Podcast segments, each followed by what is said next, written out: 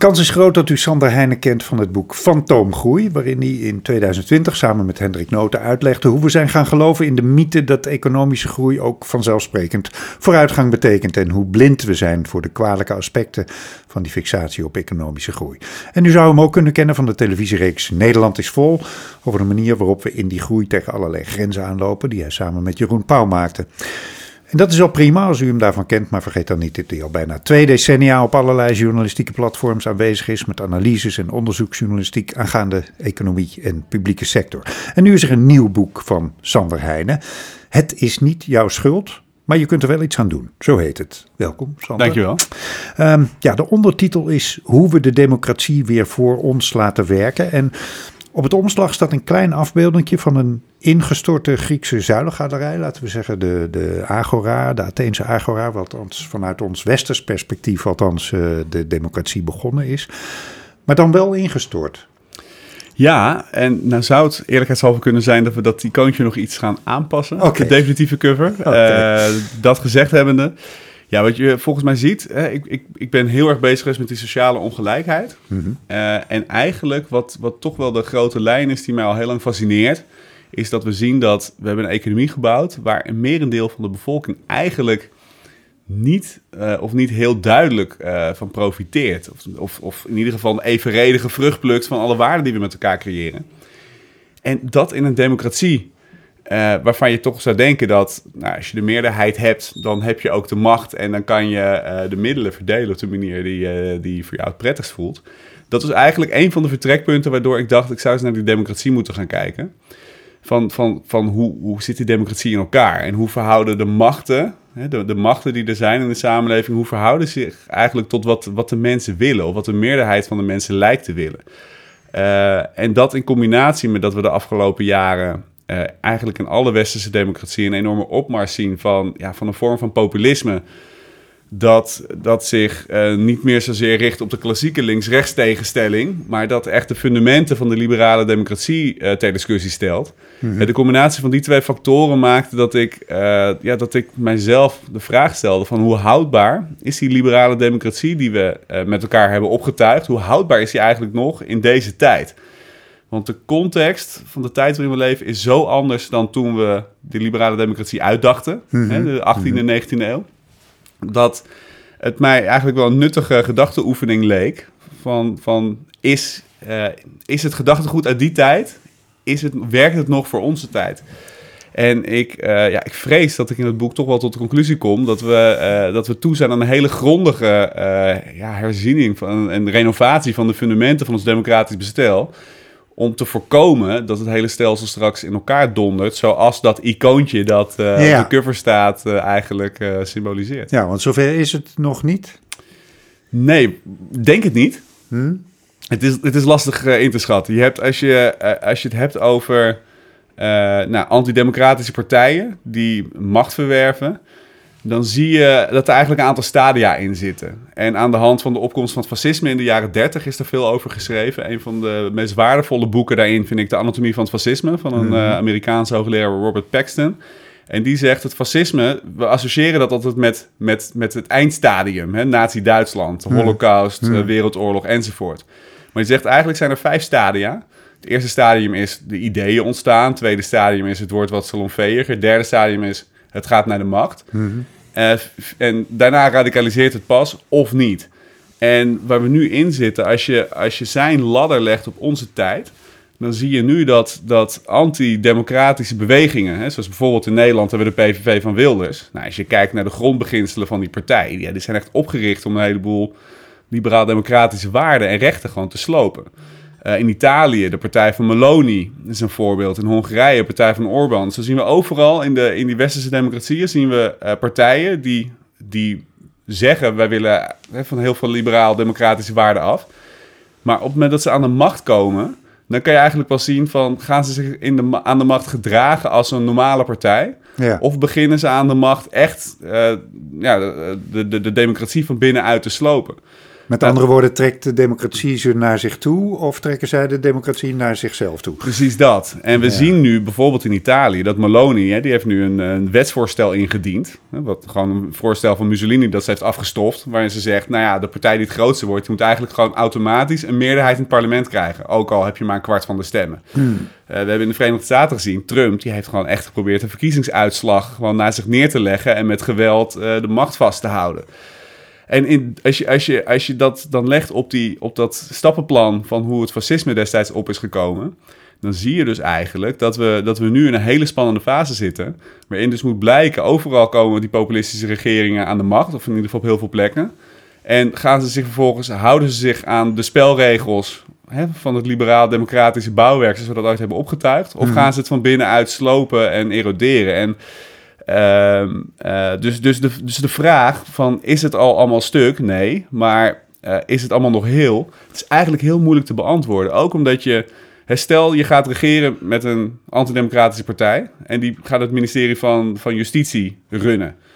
Dan kunnen ze rechters benoemen uit hun eigen achterban. Kijk naar Polen, de recente geschiedenis. Bijvoorbeeld. Of ze gaan het, het, ministerie van Cultuur runnen. Ja, je kan natuurlijk, je zou, ja, ik wil niemand op ideeën brengen, maar als je Arnold Karskens hoofd van de NPO maakt, ja, dan heb je toch wel een belangrijke democratische pijler in onze samenleving. Daar heb je dan opeens hm. een heel ander gedachtegoed in geïnjecteerd. Ja, Dus we zitten nu eigenlijk in een fase waarin het waarin het heel spannend is. En ik vrees dat heel veel mensen uh, en ook heel veel hoofdrolspelers binnen de politiek vanuit de gevestigde orde, om het maar even zo te noemen, eigenlijk niet zo goed begrijpen in wat voor tijdsgevricht we leven. En hm. die vraag zou ons wel moeten stellen. Uh, dus in het boek probeer ik zichtbaar te maken van waar liggen nou die, waar liggen nou die scheidslijnen? Hè? Waar houden we, hoe houden we de democratie heel? Ja. Uh, waar zijn de zwakke plekken?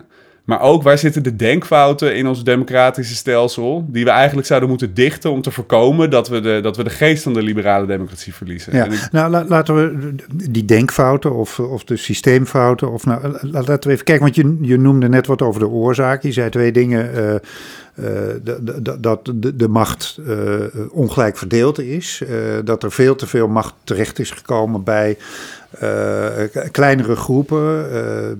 Ik, en dat sluit dan denk ik aan bij eerdere thema's waar je over geschreven hebt in, in fantoomgroei en dergelijke. Namelijk door marktwerking, door privatisering, door wat dan met een containerbegrip neoliberalisme wordt genoemd. Dat we daarmee veel macht hebben gelegd bij eigenlijk niet politieke groepen. Dat is één ding. Zeker. En anderzijds zei je, ja, die, die ideeën die aan onze democratie ten grondslag liggen, die komen uit de 19e eeuw en onze samenleving is nu heel anders. Is, is dat een beetje het, hetzelfde? Is dat eigenlijk de grondoorzaak, die ongelijke verdeling van de macht? Ja, het zijn, het zijn dus eigenlijk twee dingen. Dus, dus ja. maar het heeft misschien dezelfde grondoorzaak in de zin, in de tijd dat we de democratie vormgaven, toen kwam macht heel erg voort uit het beheer van land dus, dus de adel die gingen over het land. Nou, dan kwam de, de, de, de, het voedsel kwam van het land af, de grondstoffen zaten in het land. Dus als je het land kon beheersen en controleren, nou, dan had je eigenlijk de facto de macht. Ja. Dat hebben we gedemocratiseerd. Hm. We zien in onze tijd, macht komt ook heel erg voort uit kapitaal. Ja. En kapitaal was toen natuurlijk grondbezit. En nu heb je veel, meerdere vormen, veel meer vormen van kapitaal komt voort uit wie, heeft, uh, wie controleert de energiestromen. Nou, dat zit bijna allemaal bij grote private partijen of bij staatsbedrijven uit uh, autocratische landen. Uh, macht komt voort uit data, uit technologie, uit kunstmatige intelligentie. uit, uit media, wie kan het narratief sturen? En dan zien we dat, dat al die vormen van macht eigenlijk helemaal niet gedemocratiseerd zijn. Die zitten bij hele kleine, uh, hele rijke, ik durf de term bijna niet te gebruiken omdat populisten dat te doen, maar zitten toch bij, bij hele smalle lage elites. Uh, die op geen enkele manier aan democratische controle onderhevig zijn. En dat, dat, en dat maakt dat heel veel van de macht ligt eigenlijk buiten onze democratie. En het probleem, nou, het heeft een aantal problemen, maar een van de problemen is, volgens mij, dat gematigde politici, die verliezen hun geloofwaardigheid, omdat iedere keer dat we met goede moed stemmen op een, op een progressieve partij of een conservatieve partij, in ieder een partij die, die, die zegt, ik ga de wereld beter voor je maken. Ja, het, het, is, het loopt altijd uit op een teleurstelling omdat mensen beloven dingen. En het, ik geloof niet dat er nare complotten zijn van politici. Maar het is veel eerder, ze beloven ons dingen die ze helemaal niet waar kunnen maken. Om de simpele reden dat de macht eigenlijk helemaal niet bij die parlementen ligt. Nee. En volgens mij moeten we dat soort, ga, dat, soort, dat soort lekken zou je moeten dichten. Uh, want dan kan je daadwerkelijk met je stem weer een verschil maken. Hè? De hele klimaatverandering. Ja, er zijn uh, een paar honderd multinationals die in hun ketens verantwoordelijk zijn voor 80% van de opwarming van de aarde. Ja, en dat zijn per definitie bedrijven die zich niet langs nationale grenzen opereren of gedragen. En die vallen eigenlijk tussen alle wetgeving van landen in. Ja. Dus zolang wij met nationale parlementen proberen om, om vorm te geven aan onze democratie, ja, dat, dat, de teleurstelling is bijna, uh, volgens mij is die bijna 100% ingebakken daarin. Ja. Dus, dus als je kijkt naar macht en ligt die macht bij het volk, nou, dan denk ik dat je daar wel een paar hele serieuze vraagtekens bij hebt. Ja. Nou, nou zeg je, het, het, het lijkt erop alsof ze uh, in de politiek niet begrijpen in welke fase we zitten en waar de lekker zitten. Um, toch hoor ik juist de, de laatste jaren en de laatste, de laatste tijd uh, steeds luider dat de overheid weer op allerlei terreinen regie moet nemen. Dat we inderdaad veel te veel macht, wat dat betreft, uh, bestuursmacht uit handen hebben gegeven. Door privatisering, noem maar op. Um, is, is dat dan niet een teken van dat dat inzicht uh, langzaam begint uh, te komen? Ja, dus misschien dat ik, iets, dat ik het iets te gechargeerd zeg dat het inzicht er niet is. En dat ik dan de, degene ben die wel al het inzicht heeft. En daarom moet je dit boek kopen. Nee, dus dat is, dat is, dat is misschien waar. maar tegelijkertijd, je ziet toch dat de partijen die, die, die hiervoor pleiten, dat die eigenlijk uh, uh, ja, steeds kleiner worden. Steeds, steeds meer aantrekkingskracht van de kiezers verliezen. Dus je mhm. ziet ook dat het een, het is, het is ook een machtsspel. Wat de partijen die hier iets aan willen doen, eigenlijk aan het verliezen zijn op dit moment. En dat kan natuurlijk altijd omdraaien. Maar op dit moment zie je toch dat dat, dat, dat niet goed lukt. En dat heeft eigenlijk automatisch te maken met bijvoorbeeld de macht hè, die een, de controle over een narratiefje geeft. Als je elke avond op televisie hoort dat, dat de partijen die grote bedrijven uh, uh, weer onder meer staatscontrole willen zetten. Dat dat staatsgevaarlijke politici zijn. Die, ja. uh, of dat het heksen zijn. Of dat dat ja. weet ik veel wat voor schurken zijn. Ja, dat, dat heeft heel veel invloed op, ja, op het kiesgedrag. En dat maakt ook dat het nog moeilijker is voor, voor die partijen uiteindelijk. Om daadwerkelijk die nieuwe democratiseringsslag te maken. En dat brengt ons bij een andere nou, denkfout, vind ik een beetje negatieve term, maar in ieder geval weeffout in ons denken over democratie. we hebben onze democratie hebben we vormgegeven vanuit, vanuit de gedachte, vanuit een mensbeeld, een 18e eeuws mensbeeld. Ja. Dat, we, dat er zoiets bestaat als een soort autonome metafysische eigen wil. dat we eigenlijk allemaal, Spinoza, we hebben allemaal een soort goddelijke status. Uh, en, en omdat we dat hebben, is, uh, heeft de kiezer altijd gelijk. En omdat we dat hebben, is de klant koning. Want wat wij besluiten te doen met onze eigen wil, dat is per definitie rechtvaardig, omdat wij een soort ja, autonome, rationele ik hebben. Hè? We zijn homo sapiens, noemen we onszelf. Verstandige, we hadden sinds Goebbels misschien anders mensen. kunnen weten, maar... Nou, dat is dus het hele punt.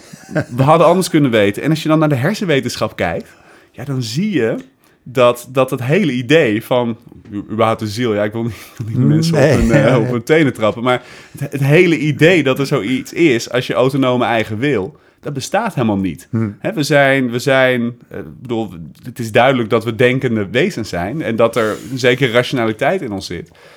Maar tegelijkertijd, we zijn heel erg beïnvloedbaar. En dan komen we in een tijdperk van sociale media en desinformatie uh, lelijk op de koffie. Nou ja, precies. En, en als je goed snapt hoe je dat spel moet spelen. En ik beschrijf het zelf. Ik heb op een gegeven moment een hele dure auto gekocht. Een hele, het is echt een debiele, een debiele uitgave geweest. Maar op de een of andere manier uh, ging ik googlen op, op elektrische gezinsauto's. En toen kwam ik op een SUV uit. En die bleef maar in mijn tijdlijnen voorbij komen. Prikkels en dingen. Uiteindelijk, ik vond dat ik hem verdiende. Ik, ik vond dat ik hem mocht kopen. En dat dat ook goed was. En dat ik daar recht op had. En dat heb ik dus ook gedaan. En vervolgens begon ik na te denken: hoe, hoe is dit hoe is dit idee in mijn hoofd gevaren? En ik ben het een beetje gaan reconstrueren. En dan zie je eigenlijk hoe je op een gegeven moment een, een online omgeving creëert in marketeers je gewoon eigenlijk alle kanten op kunnen nutchen. Zonder dat je dat... Ja, daar ben je eigenlijk niet zo goed tegen bestand. En voor de een is dat dan met auto's. Voor de ander is het met, uh, met uh, weet ik veel, een horloge of met een vliegreis of wat dan ook. Ja. Maar dat kan ook met stemmen. En uiteindelijk, uh, nu wij, we leggen in onze democratische stelsel heel veel verantwoordelijkheid neer bij die mens die als autonoom, rationeel wezen met een eigen wil opereert. En als dan uit de hersenwetenschap blijkt dat dat helemaal niet is hoe wij in elkaar steken, Ja, dan heb je toch wel een heel fundamenteel probleem met de wijze hoe we, hoe we het idee dat de macht bij het volk moet liggen, hoe we dat hebben ingericht. En er zitten dan ook nog eens uh, hele complexe vraagstukken, want het bestuur van een moderne samenleving is eindeloos complex. Nou, dat wordt dan bij verkiezingen uh, teruggebracht eigenlijk tot één of twee thema's. Bijvoorbeeld, is migratie wel of niet een probleem? Moet Engeland uh, in de EU blijven of niet? Um, um, nou, dat, dat wordt heel erg platgeslagen. Nou, daar mag je dan een stem op uitbrengen. En dat is ja, dat, dat doen we niet rationeel. Dat doen we op basis van allerlei emoties en prikkels die invloed op ons hebben. Ja, en dan zeggen we, ja, dat is uh, democratisch. We hebben dit met elkaar zo besloten. En ondertussen zien we dat de grote problemen... van klimaatverandering tot nou ja, angst voor migratie... tot uh, ongelijkheid, tot hm. wat dan ook... het wordt allemaal niet opgelost. Nee. Um, en, en, ja, en mensen verliezen hun vertrouwen in de democratie. Mensen verliezen hun vertrouwen in de overheid.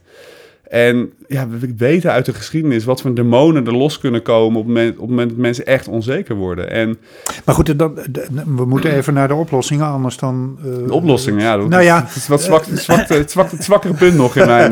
nou ja, ik zie, er, ik zie er in ieder geval één opdoemen uh, in, in de vorm van gewoon meer controle, meer overheidscontrole over allerlei groeperingen die nu macht hebben op hun, op hun eigen deelgebied, maar dus ook in uh, het proces waarop democratische beslissingen genomen worden. Je hebt bijvoorbeeld ja, zo'n zo begrip als deliberative democracy, waarin veel meer in overleg van groepen burgers tot een besluit wordt gekomen, waardoor dat soort directe emoties die zo beïnvloedbaar zijn, uiteindelijk minder een rol spelen, omdat mensen elkaar in een gesprek wat langer duurt beter kunnen corrigeren.